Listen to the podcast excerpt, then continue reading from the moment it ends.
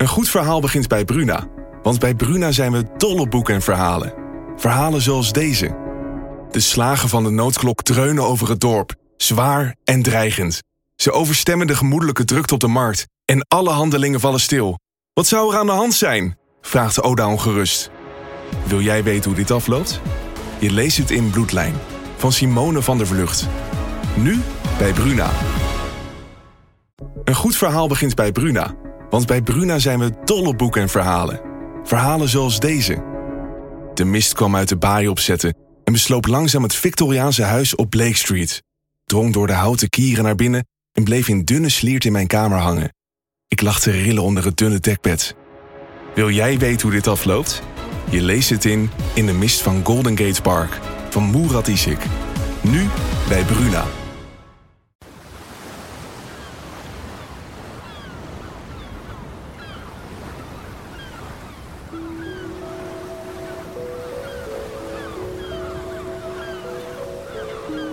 Uit Groeten van Rotterdamplaat door Jan Wolkers. Het is 7 uur 's avonds en ik zit voor mijn tent in een felgebloemde Hema-stoel. Doodmoe van de tochten die ik over het eiland heb gemaakt. Omdat ik alleen mijn groene hemd aan heb, heb ik een blauwe handdoek over mijn bruine dijen gelegd. Niet voor de kou, maar omdat het zo'n kloterig gezicht is, die kwispelstaartende lul onderaan je papier.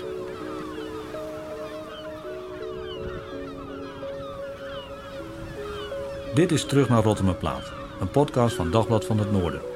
Op het moment dat deze podcast wordt gemaakt is het precies 50 jaar geleden dat de schrijvers Godfried Bomans en Jan Wolkers iedere week op het voor mensen verboden eiland verbleven.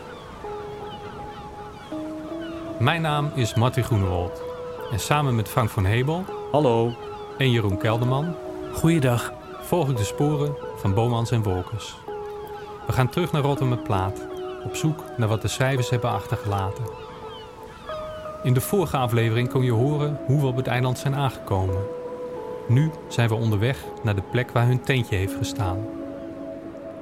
wij maken een podcast, maar de schrijvers deden via de radio live verslag bij de jonge en vrijwel onbekende presentator, Willem Ruis.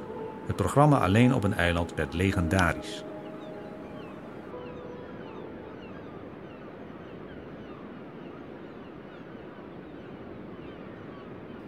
Terug naar 1971, om precies te zijn 30 juni, anderhalve week voor de schrijvers vertrekken naar Rotterdam Plaat. Uitgedost als Robinson Crusoe betreedt schrijver en kunstenaar Jan Wolkers het parkeertrein van het Apollo Hotel in Amsterdam. Op foto's is te zien dat hij een garnalennet met kreeft bij zich heeft. Verder nog een speer, een parasol en op zijn linkerschouder zit een paradijsvogel. Het contrast met de keurige Godfried Bomans, jasje, dasje, kan haast niet groter zijn.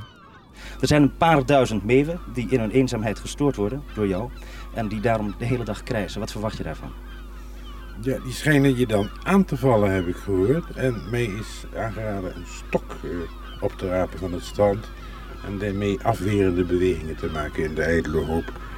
Je gaat je niet als meeuw verkleden. Eh, nee, nee. Het duo geeft een persconferentie over de radioreeks Alleen op een eiland, waarin ze afzonderlijk van elkaar een week op het eiland zullen doorbrengen. Bomans van 10 tot en met 17 juli, Wolkers van 17 tot en met 24 juli. Nou, ik ga er dus een hek om het eiland maken met mijn naam en een eh, drukbel en zo. En een, een bus voor de post en dergelijke. Maar eh, Zaterdag 17 juli, s morgens om een uur of zes, is de wisseling van de wacht. Jan Wolkers heeft voor de gelegenheid champagneglazen meegebracht die hij vol schenkt. Onder het toeziend oog van een aantal meegereisde journalisten. Wolkers proost met Bomans, die dolblij is dat hij snel de bewoonde wereld weer kan betreden. Wolkers kan juist niet wachten tot iedereen is opgehoepeld en hij aan zijn eenzame avontuur kan beginnen. Zes uur later, om 12 uur, is de eerste radio-uitzending op Hilversum 2. Wolkers vertelt hoe hij de eerste zes uur op het eiland heeft ervaren. ja, hier ben ik Willem. Over. Dit was de drukbel, hè? Goed, eh, is er iets te vertellen na die zes uur? Eh, althans, iets over de tent, hoe je die aangetroffen hebt. We hebben van Godfried vanmorgen gehoord dat hij hem schoon had gemaakt. Heb je dat zelf kunnen ervaren, over? Ja, de tent is in eh, prima staat. Hij was erg schoon. Ziekelijk nauwkeurig bijna opgeruimd. Nee, dat was uitstekend. Over. Dode beesten. Je vindt ze ook in 2021 in overvloed op Rotterdam-Plaat.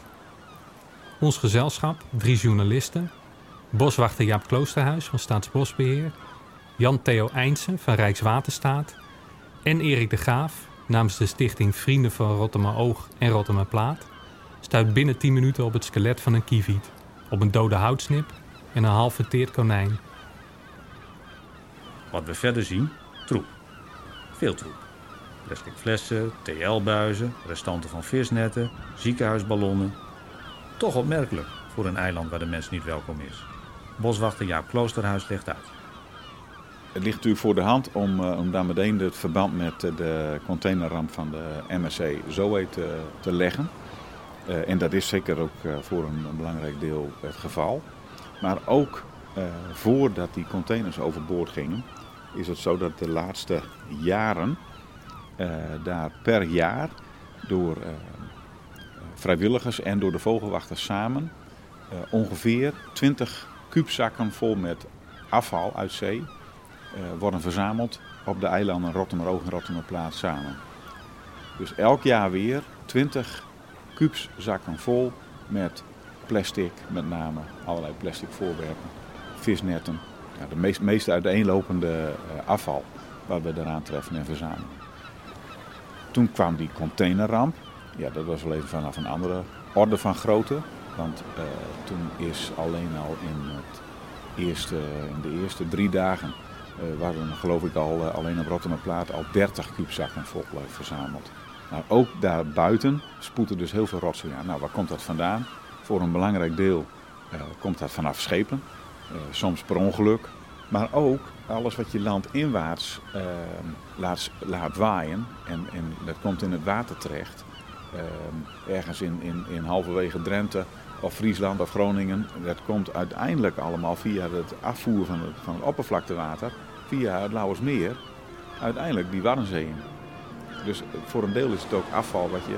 Dus, dus je, kunt niet alleen maar wijzen naar het jonge jongen die scheepvaart maakt er toch maar een potje van of anderszins. Het is ook uh, wij allemaal met, met elkaar die een deel van die afvalstroom in zee veroorzaken.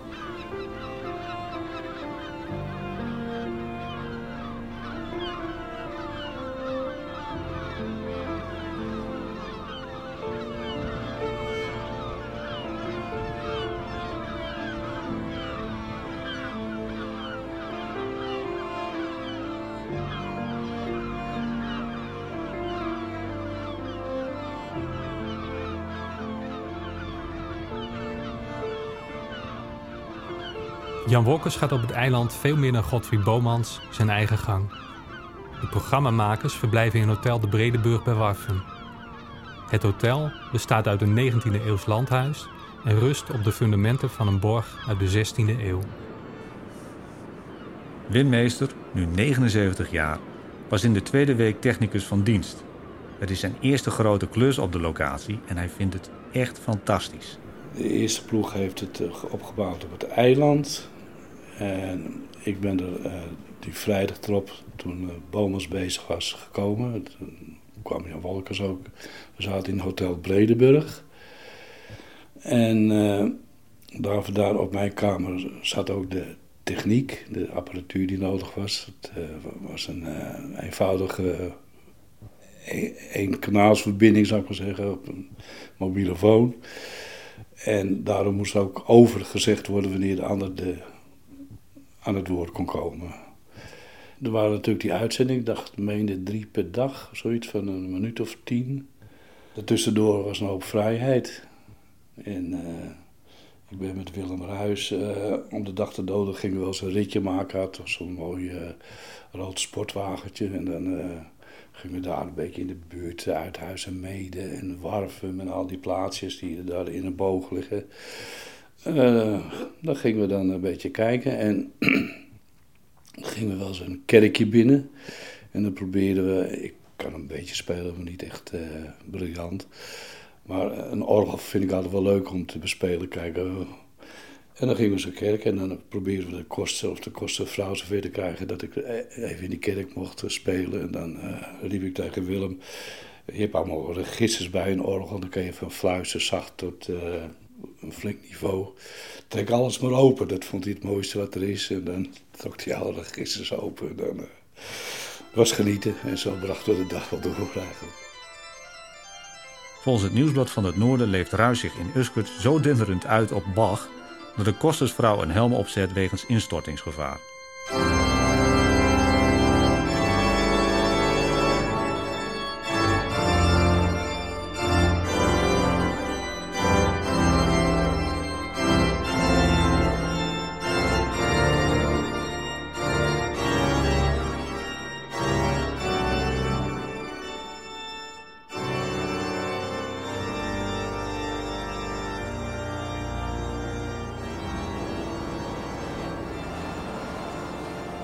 Uit Groeten van Rottermerplaat door Jan Wolkers.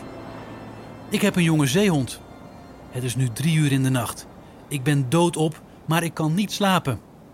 Ik heb lopen grienen van ellende. Mijn keel is dik van emotie. Omdat het lieve beest, na een worsteling van vijf uur om hem wat te eten te geven, alles weer heeft uitgekotst.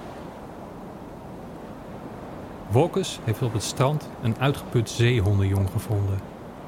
Hij neemt het beest mee naar de barakken van Rijkswaterstaat en vraagt Willem Ruis contact op te nemen met een deskundige. Hij wil proberen het dier met gepasteuriseerde melk en aangelengde koffiemelk in leven te houden. Er staat een helikopter dus hier op de plaat, waar anders altijd het schip aanmeert. En, en drie, eh, drie mannen met oranje overals, die gaan met het hondje, gaan ze in, het, eh, in de helikopter. Over. Mooi hè? Hartstikke mooi hè? Over. Erg goed, over.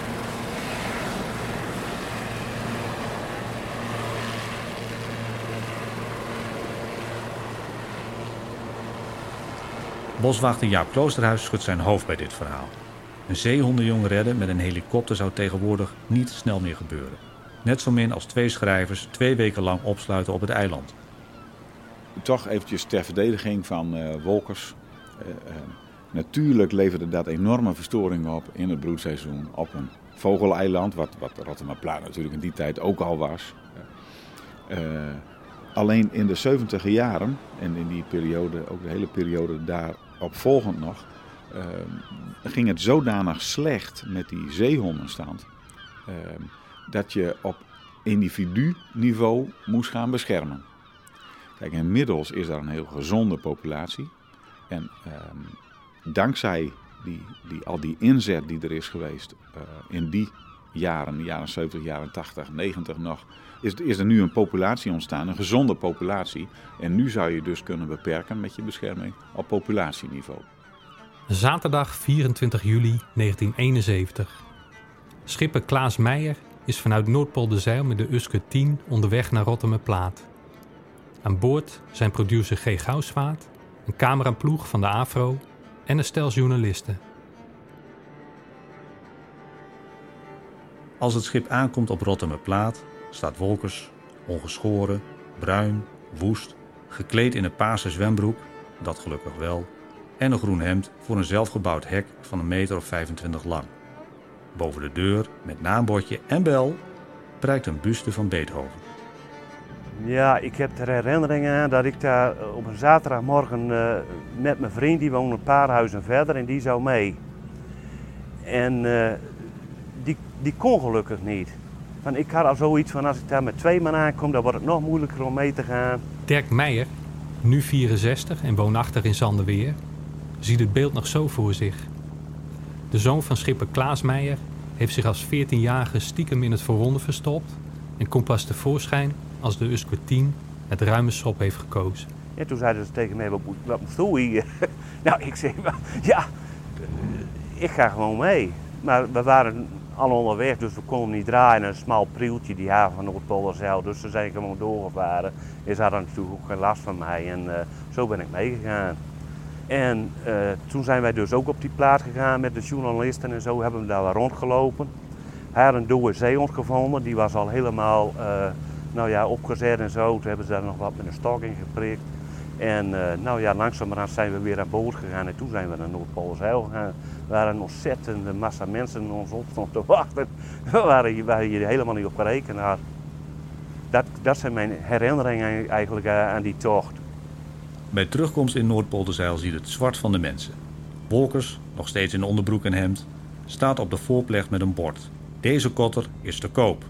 Het is een schande, noteert het Nieuwsblad van het Noorden uit de mond van Wolkers, dat een schipper als Meijer zijn schip moet verkopen omdat de Waddenzee vervuilt. De werkelijke reden had niets met vervuiling te maken. Het schip was overbodig geworden omdat de broer van schipper Meijer hartproblemen had en zodoende niet meer kon vissen. Dit was de tweede aflevering van Terug naar Rotterdam Plaat, een podcast van Dagblad van het Noorden. Deze podcast werd gemaakt door Frank van Hebel, Martin Groenewold en Jeroen Kelderman. In de volgende aflevering hoor je hoe het eiland er tegenwoordig bij ligt en of we misschien nog een tentharing van Jan Wolkers vinden. De historische fragmenten van Godfried Bomans en Jan Wolkers die je hoorde in deze aflevering komen van de MP3-CD Alleen op een eiland. Die wordt geleverd bij het gelijknamige boek. Dat werd uitgegeven door uitgeverij Rubinstein in Amsterdam. We vinden het leuk als je een recensie achterlaat in de podcast-app. Deze podcast bestaat uit drie delen.